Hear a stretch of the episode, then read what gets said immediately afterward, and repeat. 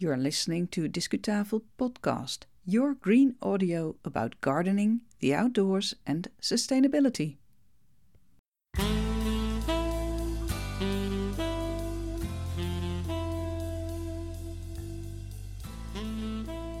Hello, this is Discutafel Podcast, and I'm very happy to say hello to you, my listener.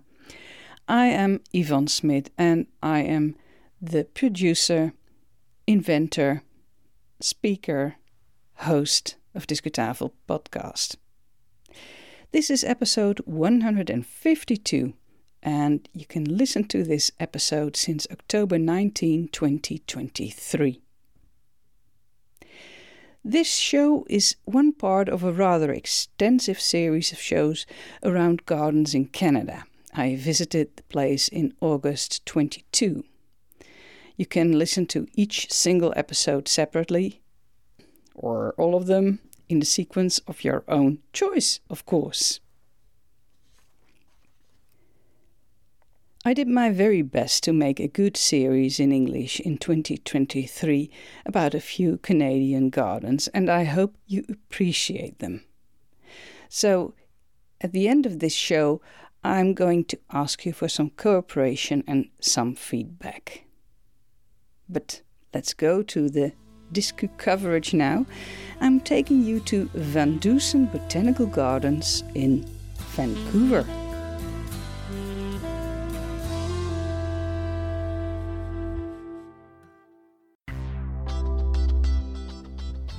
Disc coverage.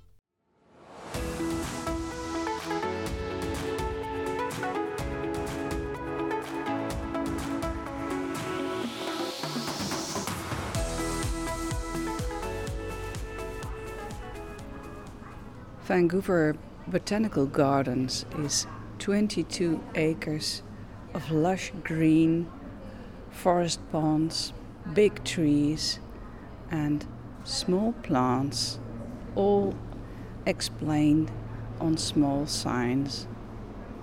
And the, and the mission of these botanical gardens is to inspire understanding of the vital importance of plants to all life through the excellence of the botanical collections, programs, and practices. I'm in the arrival hall at the moment, and we're going to explore these gardens on a hot summer's day. And um, I'm very curious about uh, the way they explain things to people and about the way they combine uh, recreation pleasure, enjoyment with the science and the technical and scientific information. The entrance hall is a very spacey uh, building, as you might hear in the background, with a curved roof.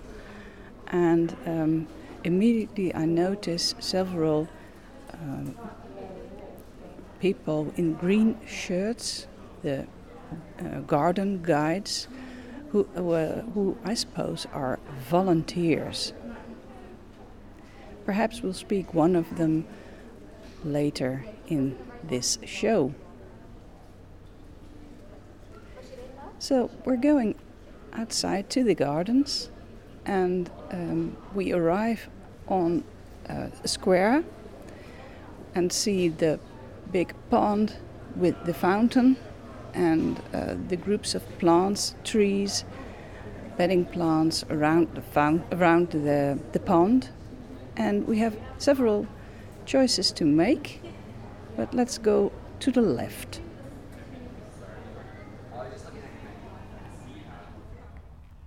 First, we take the rhododendron walk here in VanDusen's um, Botanical Gardens in Vancouver. The rhododendron walk contains over 220 rhododendron hybrids, and they are loosely grouped according to parentage. So, on the left hand side and on the right hand side of the path, we see groups of rhododendrons. Uh, it's August now, so they're not in flower, but they're pretty anyway.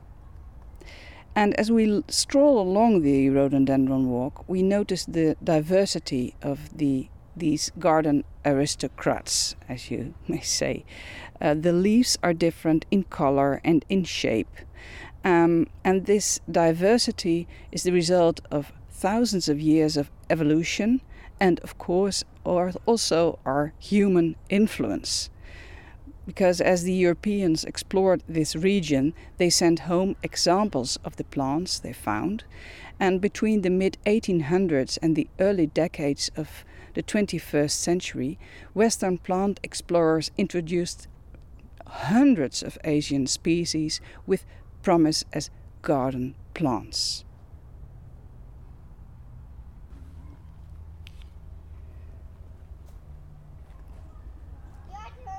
There are two native species of rhododendron which grow in uh, coastal British Columbia. One has white flowers, and it is the Rhododendron albiflorum, and he has um, small white flowers, and he loses its leaves in winter.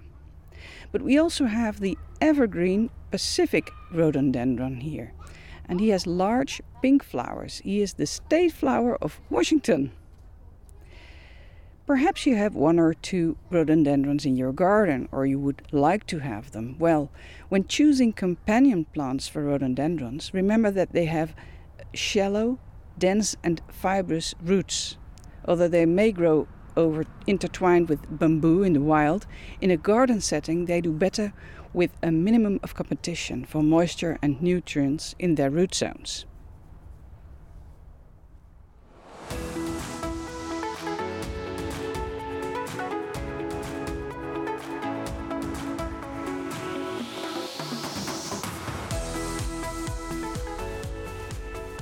As we leave the rhododendron walk, we enter the Canadian Heritage Garden, and here you can take a walk through the Canadian wild. The path paths within this garden take you on a journey through Canada's botanical and horticultural heritage. Course, Canada is a huge country with several climate zones and uh, ecology systems. So uh, there are different plant groups growing in this country on different spaces, from the Atlantic Ocean to the Pacific, from the 49th north latitude to the Arctic. Canada's physics landscape is defined by oceans, tundra, forests, lakes, mountains, and prairie. And I wonder if you look around in your garden or in your city park, do you know which plants originally grow here in Canada? And if they grow in Canada, in which part of the country do they grow?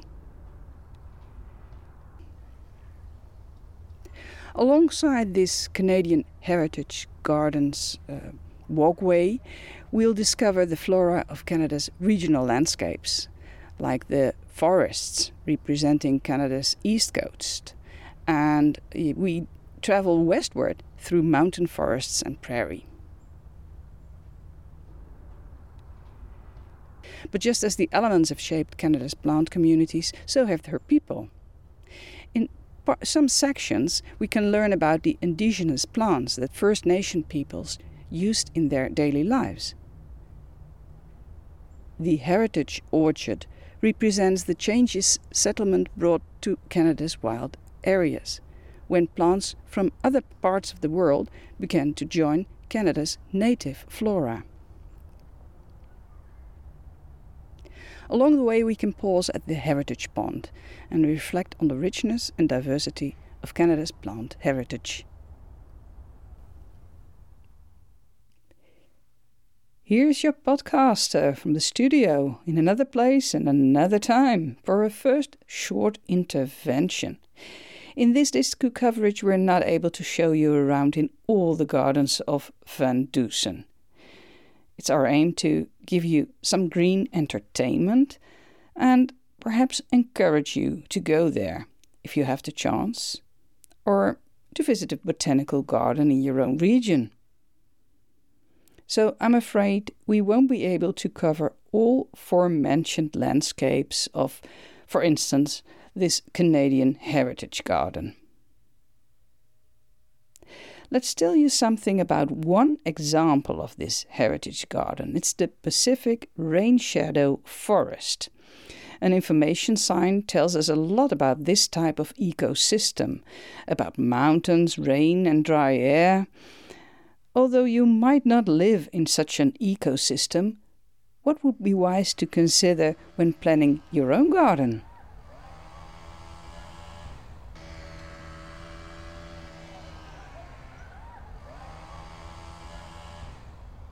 In the uh, Heritage Garden here, they explain the several ecosystems, Canadian ecosystems, and their uh, plants on small signs. And this is the sign of the Pacific Rain Shadow Forest.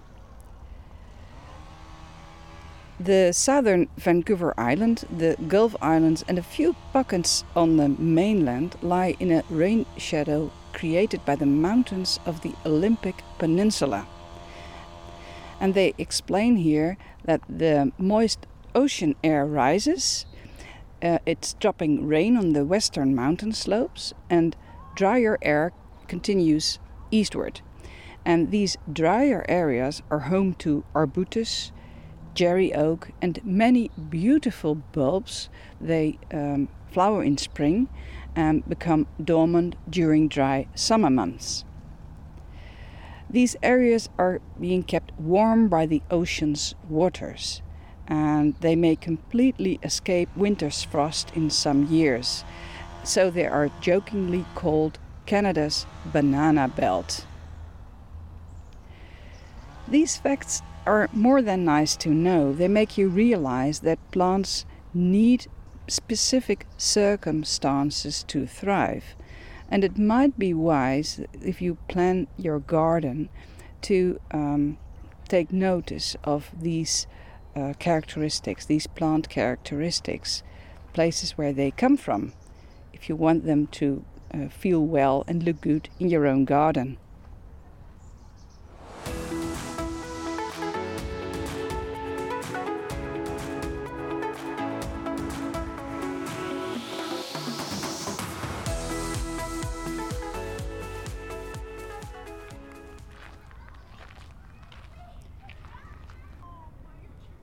We're here at the vegetable garden, and the vegetable garden has the form of a big circle, a big wheel, with parts, and they all every part is dedicated to a color. So I'm here at the orange part, and I see several fruits like pumpkins, like um, bell pepper, an orange bell pepper, and carrots and uh, just a little bit further on the way, we see the green part, like uh, the bushy, nee, the bush bean, bush bean, um, some kind of peas and kale.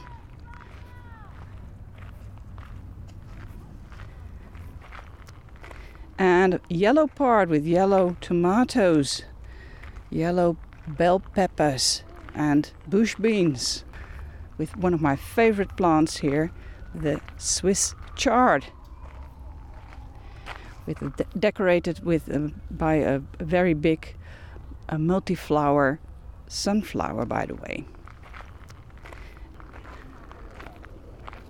And there are several other colors in this vegetable wheel. An attractive way of showing the possibilities of your vegetable garden. And here they say, eat a rainbow.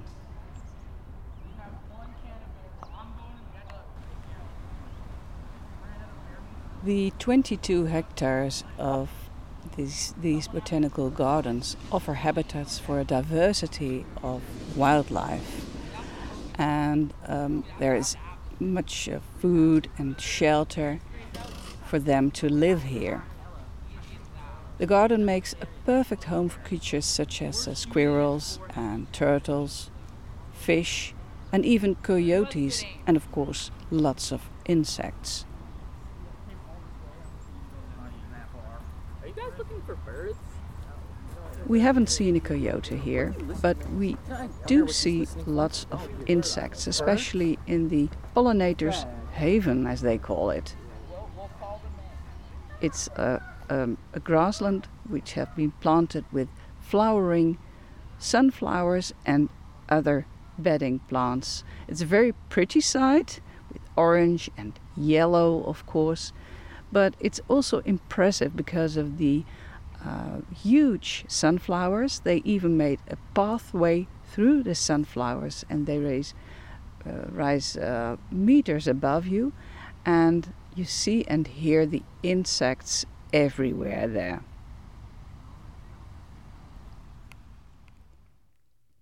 Here's your podcaster again from the studio for another intervention because I must mention two aspects of this garden. Firstly, the sculptures and other artwork. Personally, I don't know too much about sculptures and their creators, but I was really impressed by the bronze figures near the visitor center. We see a man and a woman sitting on a bench against the background of plants and a lake with a fountain, very pretty. The combination of love and tenderness and sadness on their faces and in their whole body language is really touching. The sculpture is called Departure, and as I understand, it was based on a couple waiting in an Italian train station. Departure. That explains the body language, doesn't it? The creator of this uh, sculpture is George Lundeen. And in the show note of this episode on discutafel.nl, you'll find a photo of the statue, of the uh, sculpture, and also a link to more information about this artwork. It says the coast redwood, and it can be 2,200 Secondly, I'd like to raise a statue for the volunteers. In the background, you hear one of them explaining her knowledge of for instance, the coast redwood or Sequoia sempervirens. The age of these trees amazes her, and by talking about the species in a very personal way, she makes the listener more involved with nature. I really appreciate that. She is a so-called Sunday guide, and she's a real ambassador for ambassador for VanDusen. And she says she's a guide because she likes to be useful and she likes gardening and gardens, and she wants to share. That's right. And so they were there seems to be about uh, there seem to be about 120 garden guides, and she herself, being a Sunday guide, she runs an education program while sitting behind a mobile cart. right, right, yeah. What, what should I say? Um, a bit funny, but but it's very effective. It's it's a mobile card, and she had an umbrella because it was um, midsummer. It was a very hot day, so she was in the shade. And all her brochures go into the cart after work. So it's a perfect solution to have all your equipment with you. She said, um, Plants are so amazing when you think of nature and how things evolve. She said, Nothing is an incident and plants can't stop themselves from happening. That's a very nice thing, way of putting things, isn't it? Well, let's go back to VanDusen Botanic Gardens and let's visit the Fern Dell. And nectar, and nectar, yeah. and nectar. He's, that's what he's doing, right? Yeah, exactly. Yeah. On a hot summer day, like today, dear listener. It's uh, August 2022 now and must be about 34 degrees uh, centigrade here at the moment. But on, on a hot summer's day, this uh, shady dell is one of the choice spots in VanDusen Garden. Um, it feels a little cooler and you feel um, moist in the air. And under the canopy of the tall trees, uh, a shady, loving understory can flourish. Worldwide, about 9,000 species of ferns are known, and here in the VanDusen's Ferndale li- live about 40 different kinds of them from around the world.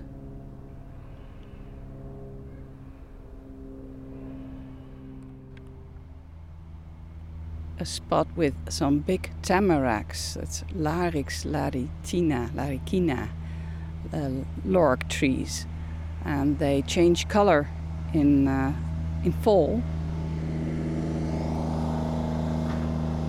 weaving ribbons of gold through the forests of uh, black spruce, fir, pine, poplar, birch, willow, forests that span Canada's north before giving way to the tundra at the Arctic Circle.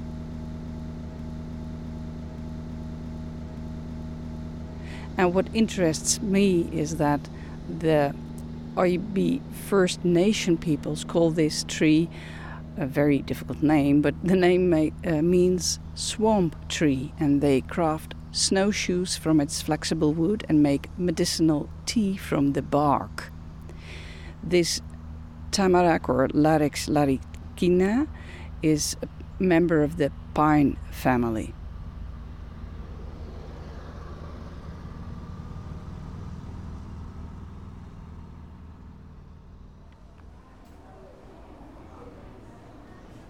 Well, here ends our tour of the Vancouver Botanical Gardens. We're in the arrival hall again, like in the beginning of this uh, podcast. And as you might remember, I asked myself how do they combine the functions of these gardens, the recreational function and the um, uh, educational function? I think they um, have a good balance between those. People who just want to relax, uh, meditate perhaps, uh, sit on uh, uh, a chair in the, in the garden and read a book and just enjoy the birds and the squirrels and the, the, the peaceful surroundings. They, they feel at home here. They can find here what they are looking for. But people who are interested in several species of plants, people who want to know about the um, ecosystems in Canada and in the world, well, they can find here uh, what they're looking for as well, because several signs explain it, but not too much. It's just enough to to to, enjoy yourself and to uh, get to know a little bit more while strolling through these gardens.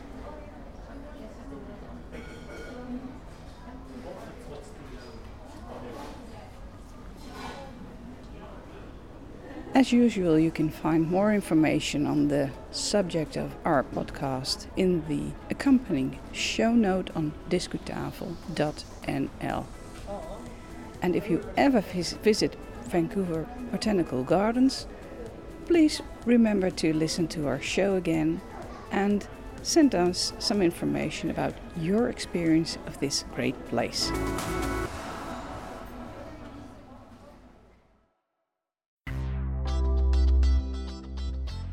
Discu finish.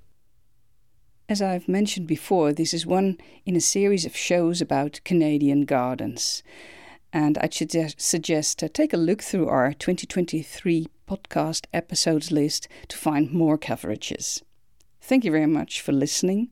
I did my very best to make a good series in 2023 about these gardens in English, and I hope you appreciate these uh, podcasts. I must say, it was rather an intensive job to produce these programs.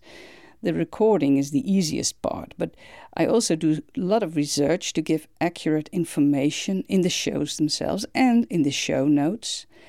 And as I want to m- avoid a useless bloody blah, and as I know that most listeners only have 20 to 30 minutes time to listen, I spend quite a lot of time to edit the shows.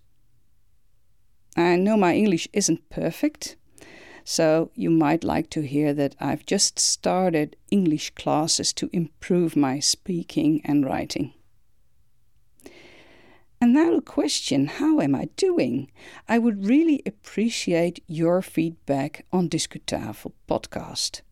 You can contact, contact us on X or Twitter or drop me a line by email. That's ivonne.smit at discutafel.nl. And remember, Ivonne is spelled with an I of, uh, well, what's an I? An I? Yeah, it's an I. ivonne.smit at discutafel.nl. The next episode of our podcast, of Your Green Audio, will be in Dutch. And publication date of the next English show is yet unknown, but we might make an audio visit to the Royal Botanic Gardens Kew in London, perhaps in November or December. In the meantime, let's go outside, and until next time.